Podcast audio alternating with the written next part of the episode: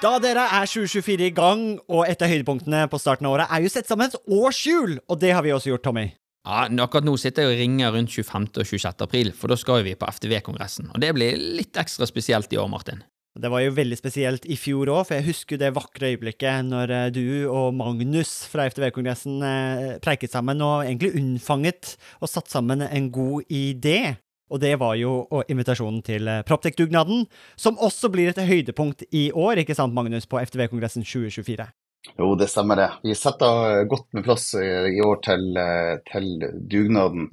En god og sprø idé for å sette praktisk Proptech ut faktisk i livet og vise hva vi får til, ikke bare fortelle. Det var jo, det var jo veldig gøy, for jeg husker da jeg skulle pitche dette til deg, så tror jeg du avbrøt meg og bare sa 'vi er med'.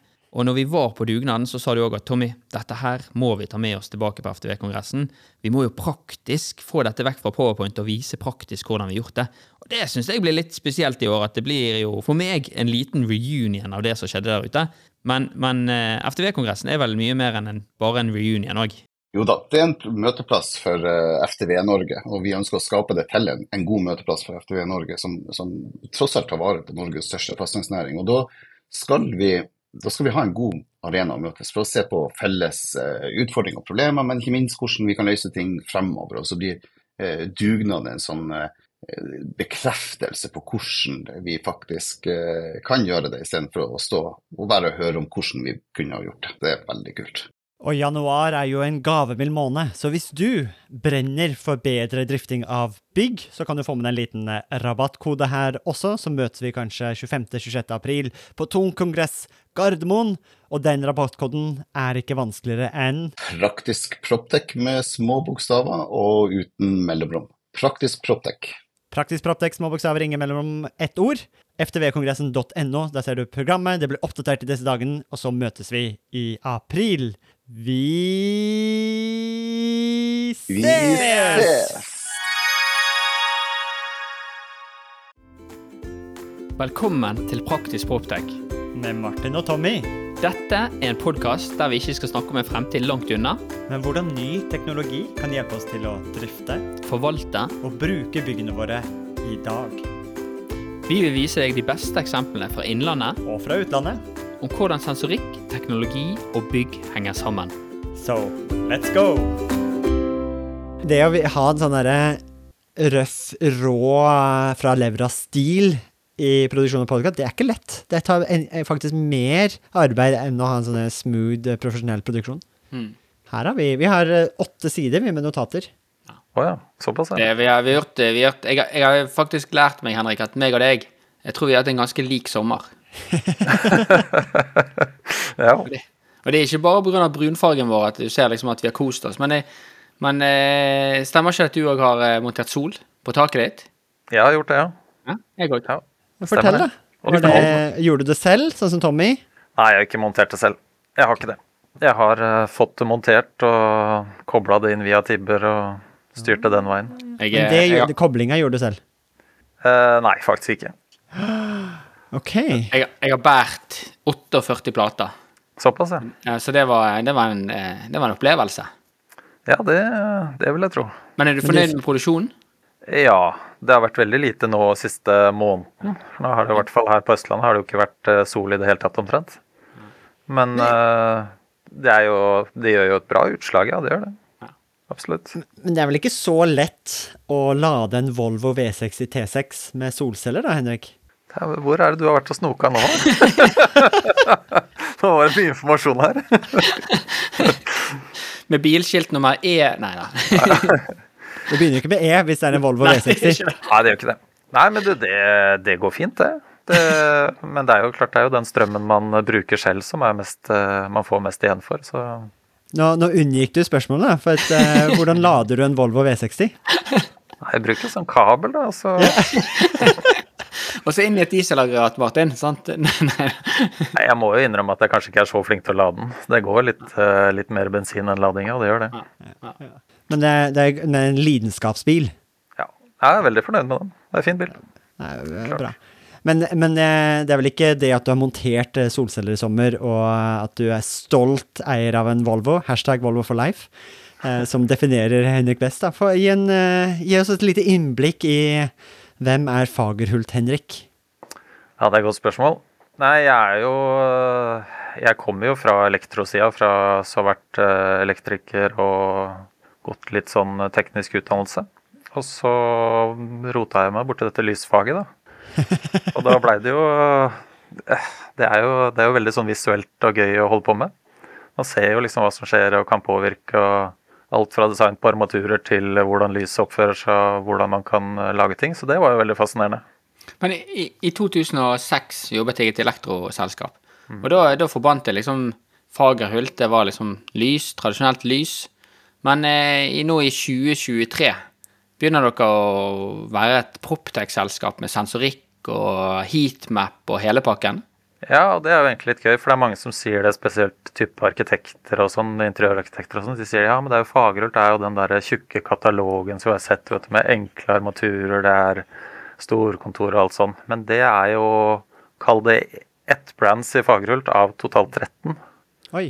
Og ett av disse brandsene er jo da Organic Response, som da mm. utvikler sensorikken og all den connectivity-biten, da.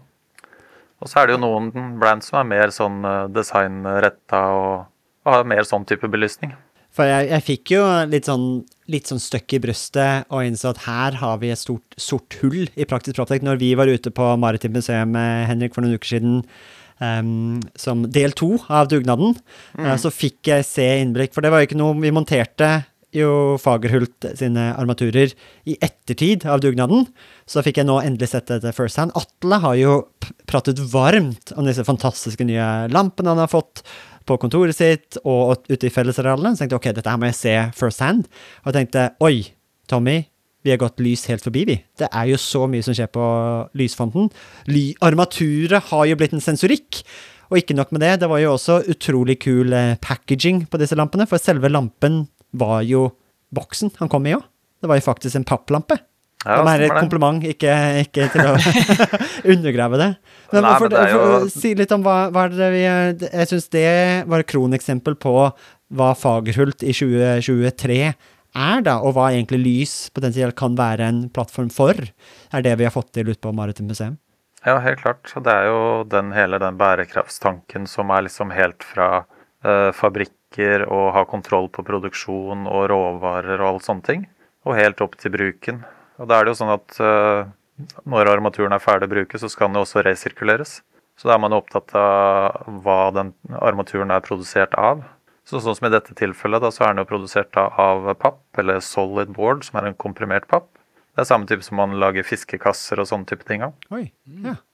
Så da er det jo veldig lett å resirkulere. Uh, lite emballasje. Man slipper disse isoporhjørnene som var på tidligere. Man slipper masse plast. Vi er pålagt å legge med fire ark med eh, montasjeanvisninger og alle sånn ja, informasjon da, som skal ut til kunden. Så hvis man leverer et stort prosjekt med kanskje 500 000 armaturer, da, så er det fire ark i hver eneste en.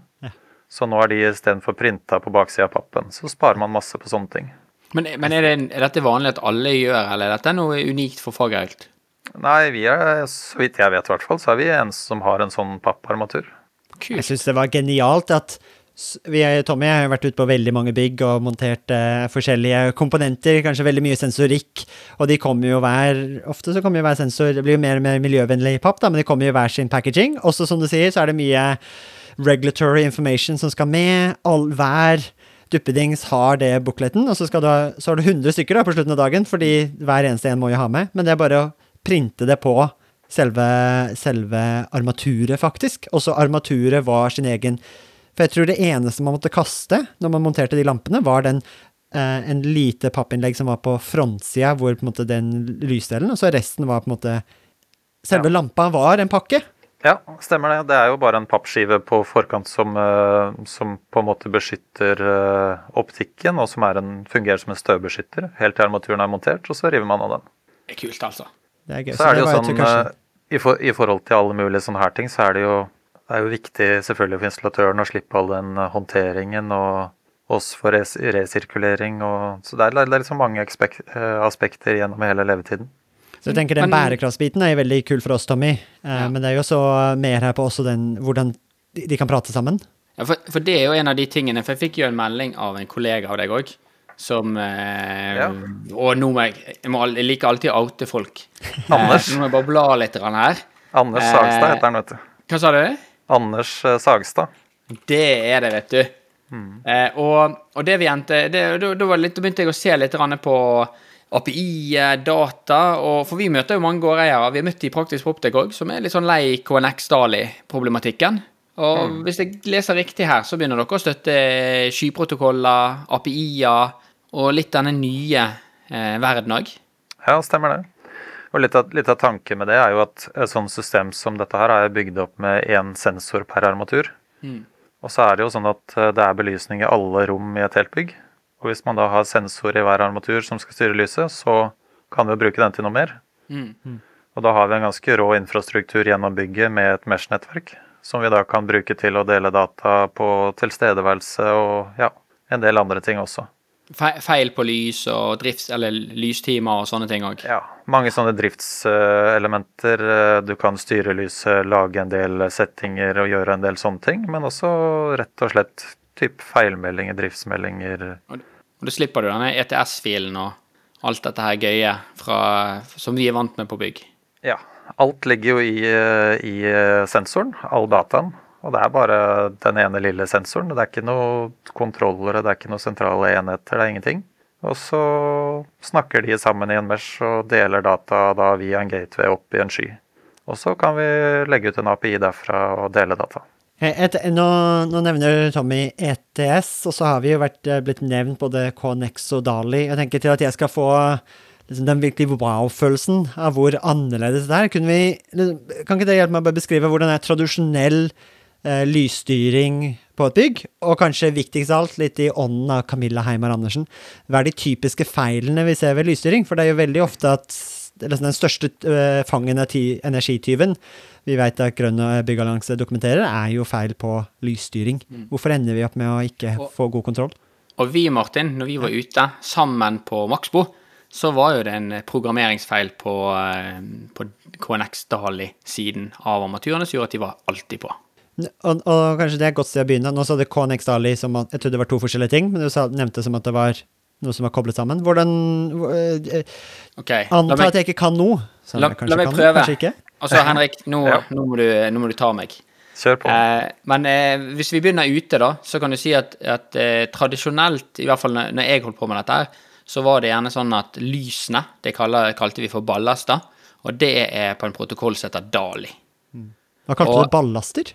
Ja. Hvorfor heter det det, Henrik? Ja, det er et godt spørsmål. Man, det er mange ord på disse her. Eh, Man kaller det forkoblinger, nå kalles det drivere, men det er jo elektronikken som styrer armaturen. Og det er jo som du sier at Dali er jo en uh, protokoll som alle bruker. Det er veldig Ja, det har blitt mer testing etter hvert, det har blitt mer nøyaktig, det fungerer bedre. Og så snakker jo det via KNX-styresystem, via en eller annen gateway eller en oversetter.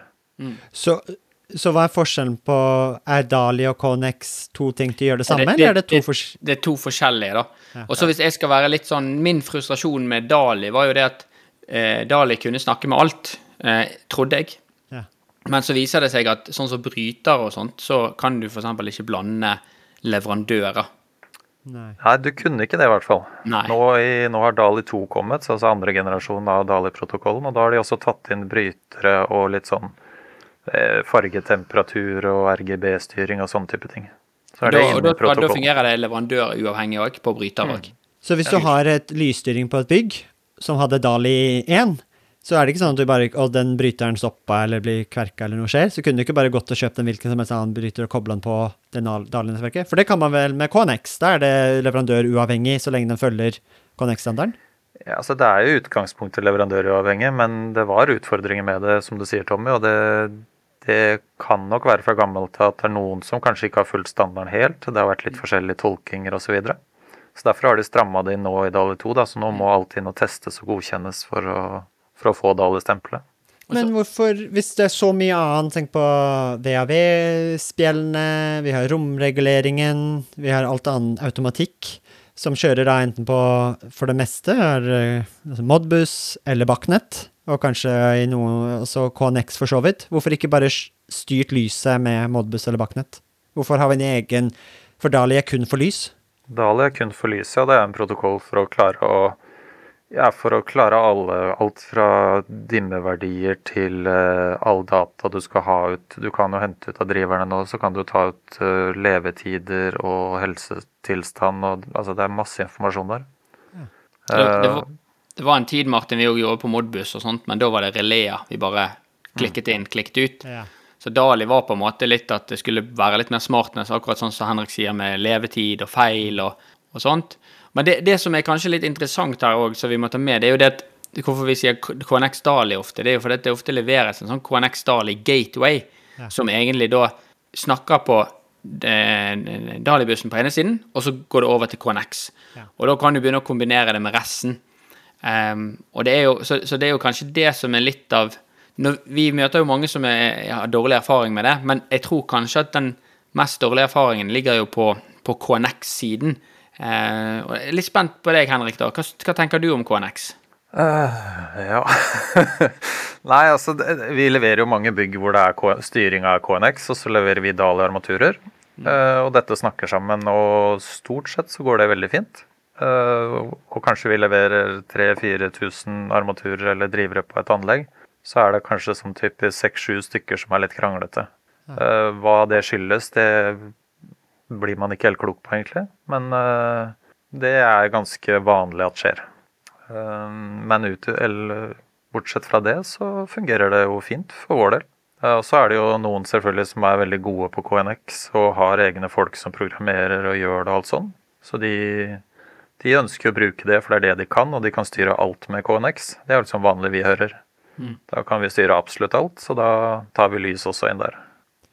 Men, men det virker også den, eh, hvis vi går over og prater om det jeg opplevde ute på Maritim med sjøen, da, og uh, forskjellen Hvorfor fungerer ikke dette out of the box, eller i Fagerhults sitt øyemed er det ikke engang en boks, det er bare, it just, it bare works out of. Um, fordi det, det, som var litt smartnessen i dette, var at den by default så satte den opp eh, Fungerte den som den skulle, og by default så fant han Jeg syns det var ganske smart hvordan disse her Du sa jo hver lamp, hvert armatur har sin egen optikk, eller sensor, som har mm. tilstedeværelse uh, og lys til å detektere dagslys. Men automatisk veit hvor de andre bare kobler seg på de andre eh, lampene, armaturene, i et Mesh-nettverk, og begynner å kommunisere den dataen uten at man må programmere inn liksom, spesifikt lampe for lampe? Er det ikke det som er systemet Organic Response? Jo, det stemmer at det, det så fort du setter kobler til 230 det er, For det er jo ikke noen styrekabler, det er jo ikke noe sånne ting her. Bare kobler til 230, så begynner armaturen automatisk å snakke sammen. Og de deler data, de har faste verdier, de tenner på 100% ved bevegelse, og så Eh, hvis du har et stort landskap f.eks., så har du lys der du er i 100% og så går du sånn gradvis nedover utover. Så sparer du energi istedenfor at alt står på 100 mm. Og alt fungerer bare rett ut av esken. Eller uten esken. Ja. Uten esken. Er Det vanskelig å si den her når esken er en del av Ja. Rett ut av Ja, den, den trenger vi. Men, men det, hvis vi skal og Litt sånn sammenligning, da, Henrik. For det er et spørsmål som jeg tror vi fikk i en veldig tidlig episode det var, eller frustrasjonen vi fikk delt, det var jo når noen programmerte lyset til å virke, um, og så skulle man bygge på en fløy. Og da var det alltid gøy, for da måtte du vite For det første, for å programmere KNX så må du ha en lisens, sertifisert en sånn, Den gangen jeg holdt på med det, var det en USB-stikk inn i PC. Jeg vet ikke om det er det fortsatt? Er det for å få lov å programmere? Jo, det er nok det. Og så en kabel inn på en eller annen ja. gateway eller liksom, Du må ha liksom USB-dongle med lisens, og så må du koble deg på. Og så var det alltid gøy, for da var det sånn Da er vi avhengig av at det elektroselskapet har den siste filen. Og det var en gårdeier som sa til oss at eh, det var alltid gøy, for hver gang vi skulle endre noe, så sluttet den forrige fløyen å virke. For da viste det seg at de hadde den ETS-filen som var fra første byggetrinnet, lastet den inn, programmerte hele eh, fløy 3, og da sluttet fløy 2 å virke. Og så måtte de liksom leite etter denne filen her og bruke så masse tid.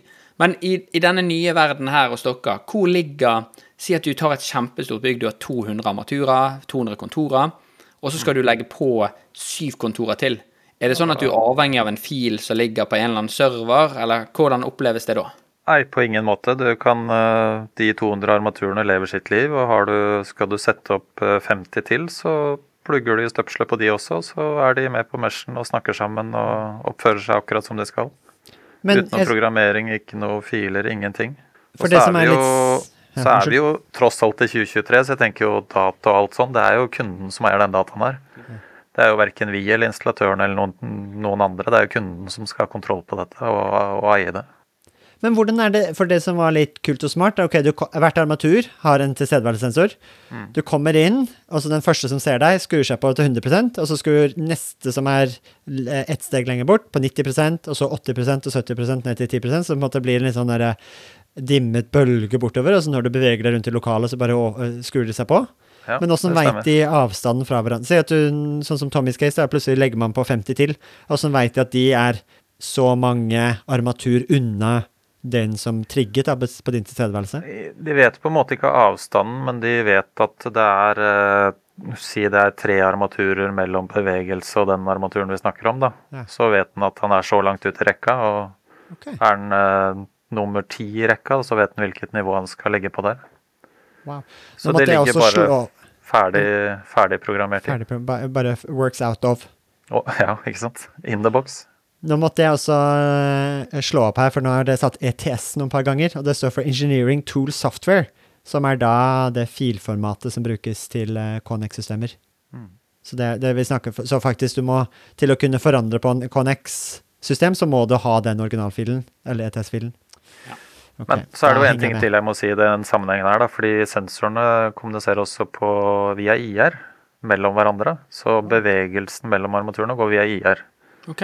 Og det er det mange som lurer på hvorfor vi gjør det, hvorfor bruker vi ikke radio og alle mulige sånne ting. IR hørtes ut som en gammel TV, liksom. En fjernkontroll og gammel TV. Ja, ikke sant?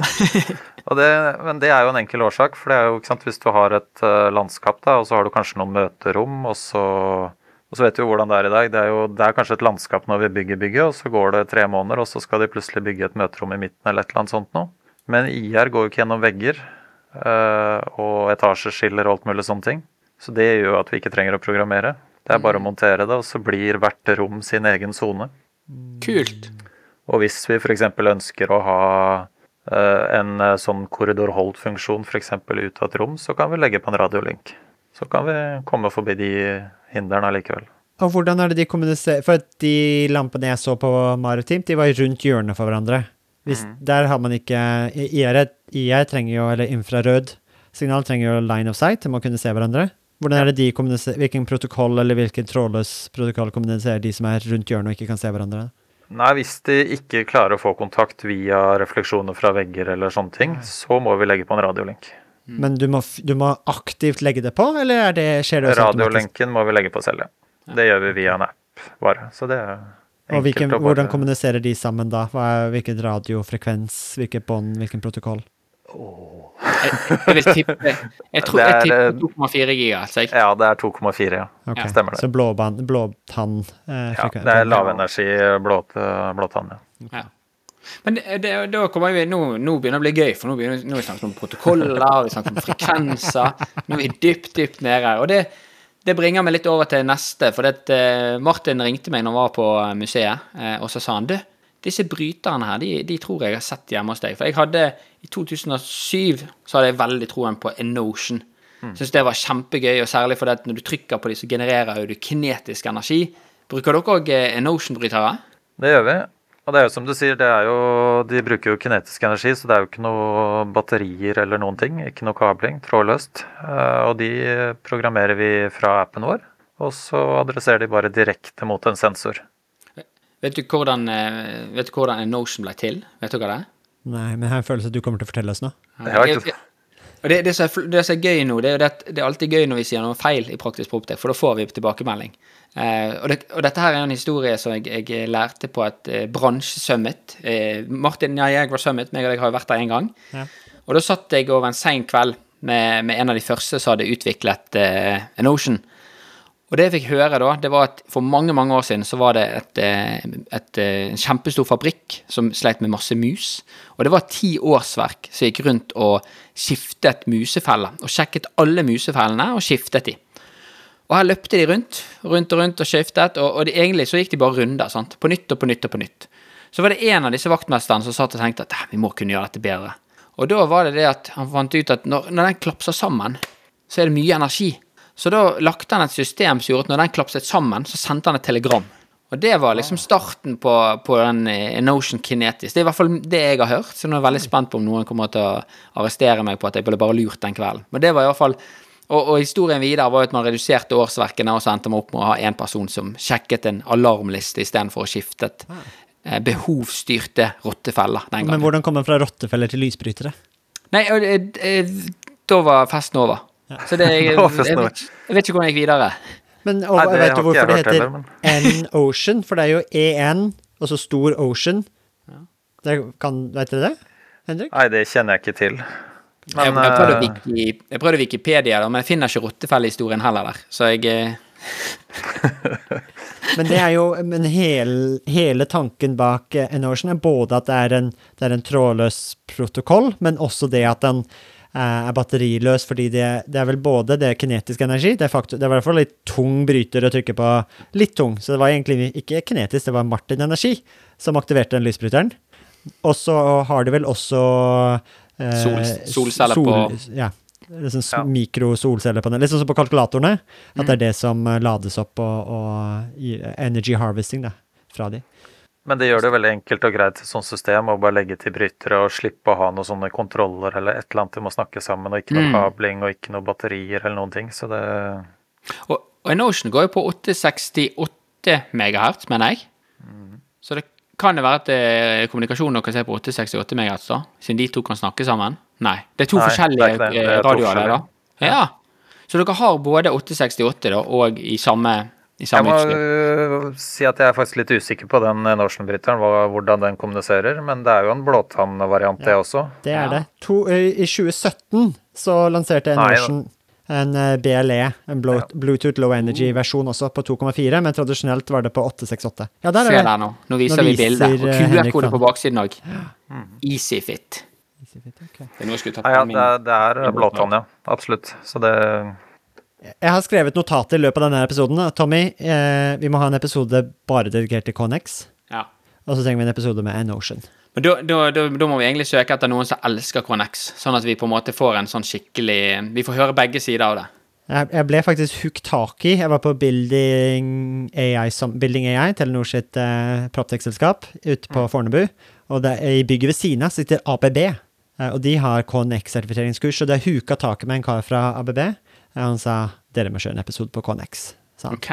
etter foredraget mitt. Så jeg har en i, i, i loopen der. Men så vet jeg også Micromatic. Micromatric. Ja, det hørtes veldig du, Nå gjorde du de veldig hippe. da.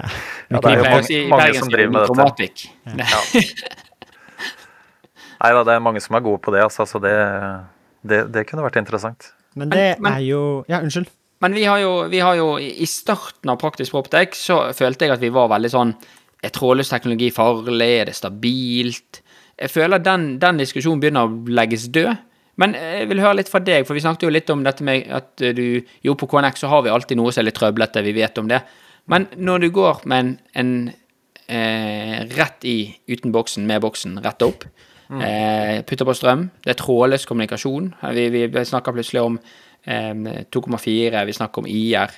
Hva er erfaringen din med trådløs teknologi? Funker det? Ja, jeg syns jo det funker, holdt jeg på å si, overraskende godt. Men altså, den uh, bevegelseskommunikasjonen er jo veldig basic og enkel med IR. Og så er dette testa på alle mulige slags underlag, for den, det signalet slår jo i type gulv, bord, alt mulig sånne ting. Og det eneste det ikke går i, er egentlig asfalt. Og det er jo ikke så vanlig inne. Så det, det er egentlig ikke noe problem. Og så er det sånn at hvis kall det nettet bryter ned eller et eller annet, så ja, kanskje man ikke får opp energidata i portalen eller sånn type ting, men lyset vil jo fortsatt fungere. Men det er ikke en sentralenhet som streiker og så kutter hele, hele anlegget, liksom. Så selve det, liksom den der basic kommunikasjonen og radioenheten og tilkobling av en Ocean-bryter og alt sånn, virker veldig stødig og solid. Er ganske, og dynamisk eh, nettverk, hvis en node faller ut, så faller ikke alt ut. På en måte bare ignorerer de den, og så blir de kobler seg på nytt. Du må ikke fysisk eh, si ifra, eller du må ikke eksplisitt eh, forklare hvilken lampe skal høre opp til. Nei, lampe. absolutt ikke. Det er en dynamisk mesh, så den mm. finner jo bare enkleste veien hele tiden. Dynamisk mesh, nei, det er så mye. Self-heal og eh, sa. Self-healing, dynamisk mesh, eh, lysambulatur. Men det som er så gøy når man først har fått sensorikken inn i hvert armatur, og da måtte den prisinga kommet ned, at vi faktisk kan ha en tilstedeværelsessensor i hver eneste armatur, um, betyr jo også at vi får utrolig mye data.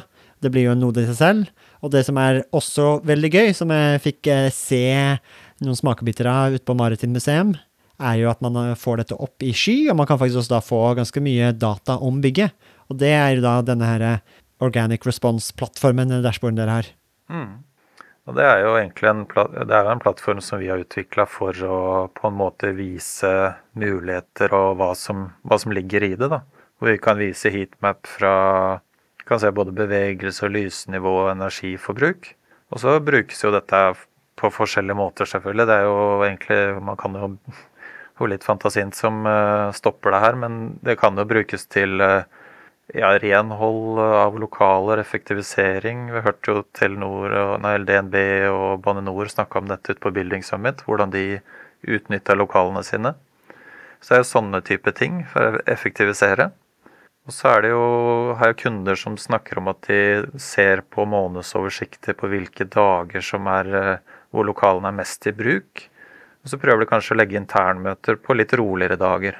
Mm. Så prøver de å spre trøkket på møterom og få det liksom få det spredt litt utover, rett og slett.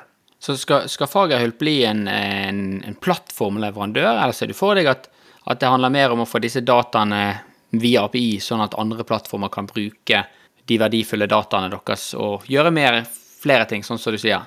Ja, nei, altså Vi er i utgangspunktet en belysningsleverandør, og det er jo i utgangspunktet det vi er gode på. Ja. Så det er klart, eh, men, men, ting går jo framover, så det er vanskelig å si hva som skjer om fem eller ti år. Men sånn som det er nå, så gir jo vi mulighet til å dele data. Mm. Og så er jo det litt opp til bruker eller sånne type ting, hva, hva, hva man ønsker å gjøre med det. Men så gjør jo vi, eh, har jo vi samarbeid og tester med flere typer plattformleverandører og utviklere og sånne type ting for å se på hvordan vi kan finne gode løsninger. Så, så hvis man kjøper Gjelder dette her alle lysarmaturene fra Fagerhult? At de har organic response, eller er det en, en del av uh, lysløsningen som har dette aktivert? Nei, I utgangspunktet så kan det jo integreres i alle, alle armaturer. Mm. Eh, det er jo ikke store sensoren, så det er klart akkurat i en downlight så er det vanskelig å få plass sånn rent fysisk å ha en sensor. Hva kalte du det? En ren I en downlight, for eksempel. Download, ja. ja. Så er det liksom ikke noe plass til å sette en sensor, men da har vi eksterne sensorer som man kan uh, sette i taket ved siden av. Men disse, de, de jeg sett ut på Maritim museum, da var alt på en måte innebygd i én, og hadde ikke, og til og med innebygd som en, en eske. så man, det blei mm. veldig kompakt og enkelt å installere og enkelt å, å sette opp. Men La oss ta de som har uh, organic response-sensorikken uh, og muligheten aktivert, og så er det en egen uh, mottaker, en gateway, som samler data fra disse her, og, og koble, som har SIM-kort inni seg, da, til å sende opp i sky, eller må den kobles til nettverket?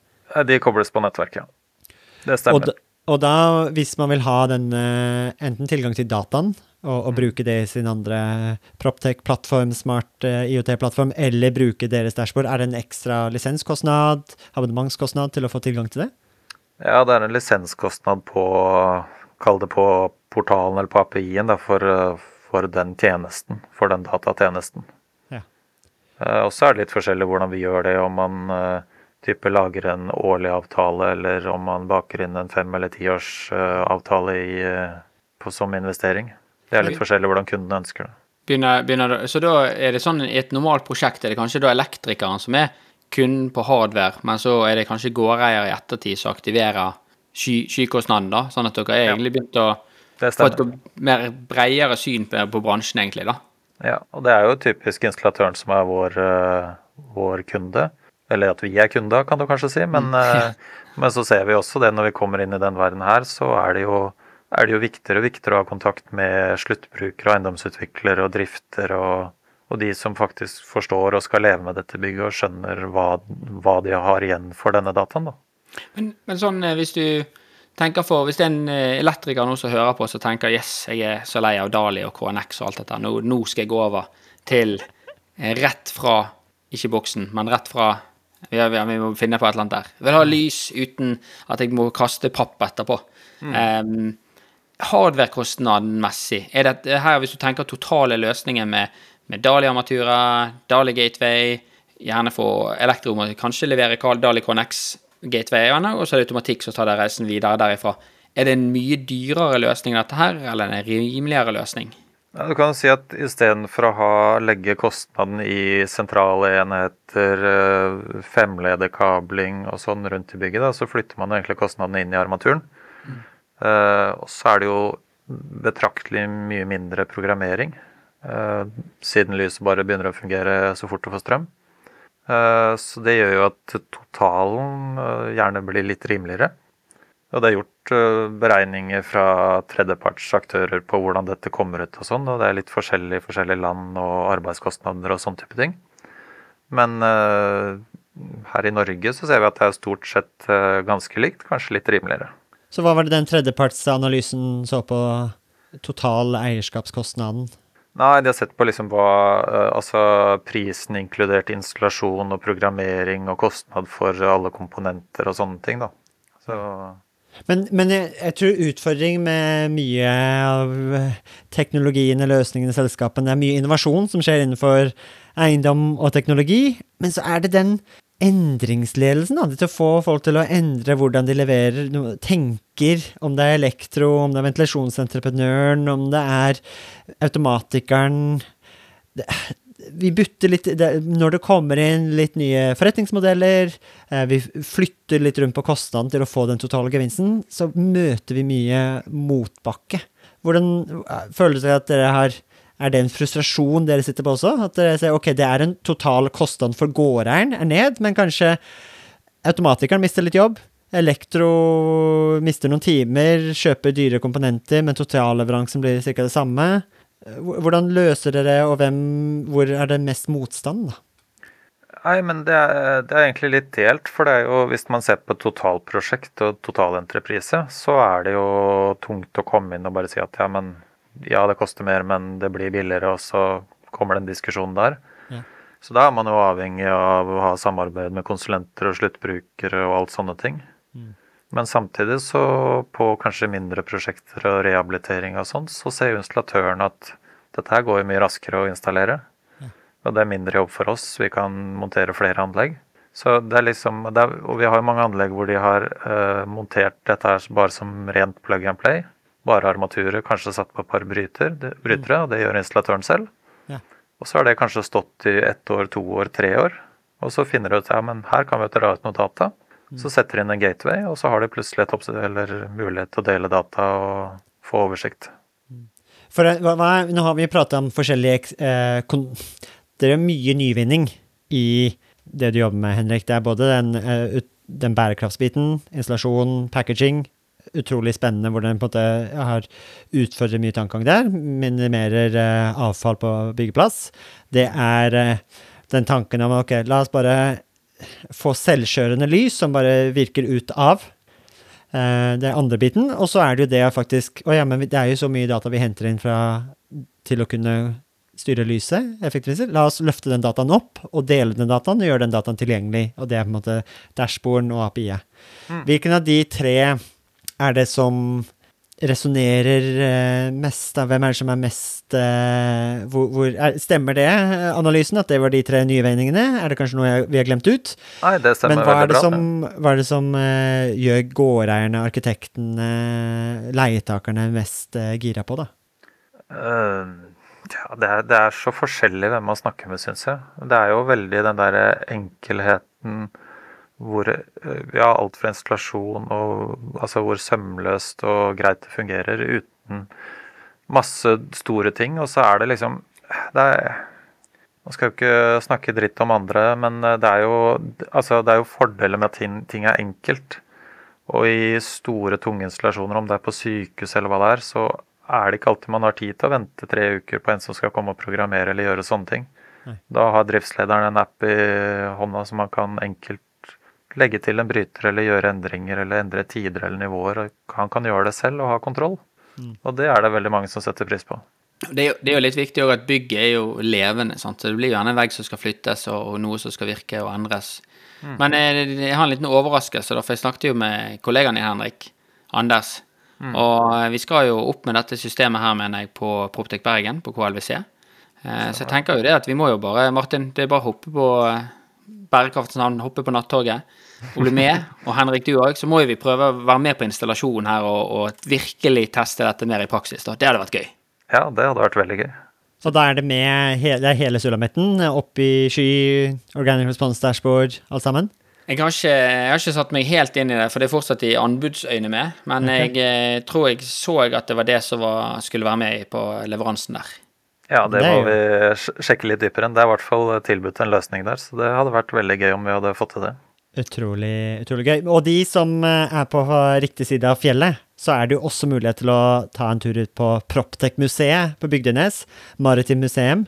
Men, bare men ta kontakt med Atle og Oslo Maritimt, ikke det? Ja, det Du sant? sier rikt, ja, men du sa riktig side. Ja, men der er det riktig side av fjellet. Oslo. Men nå har vi jo, nå har vi jo dette her på utstilling i, eh, på Maritim museum. Det er bare å ta kontakt med Atle og Ragnhild, så får dere en eh, liten smakebit av dette her. Det vet jeg de er veldig gira på å kunne vise fram. Um, Tror. og så gleder jeg meg til tur til Bergen, selvfølgelig. Ja, det, vi, må- vi må være på riktig side av og til òg. Ja, det hadde vært greit. og før vi begynner å krangle for mye om det, så tror jeg dessverre nok en episode av Praktisk Proptech er over for denne gangen. Mitt navn er Tommy. Jeg heter Henrik. Og mitt navn er Martin, og dere har nettopp hørt på Praktisk, Praktisk Proptech! Ja da, han satt den. Ja, ja, ja, ja. Utrolig hvor fort eh, 41 minutter går, altså. Ja, det gikk veldig fort.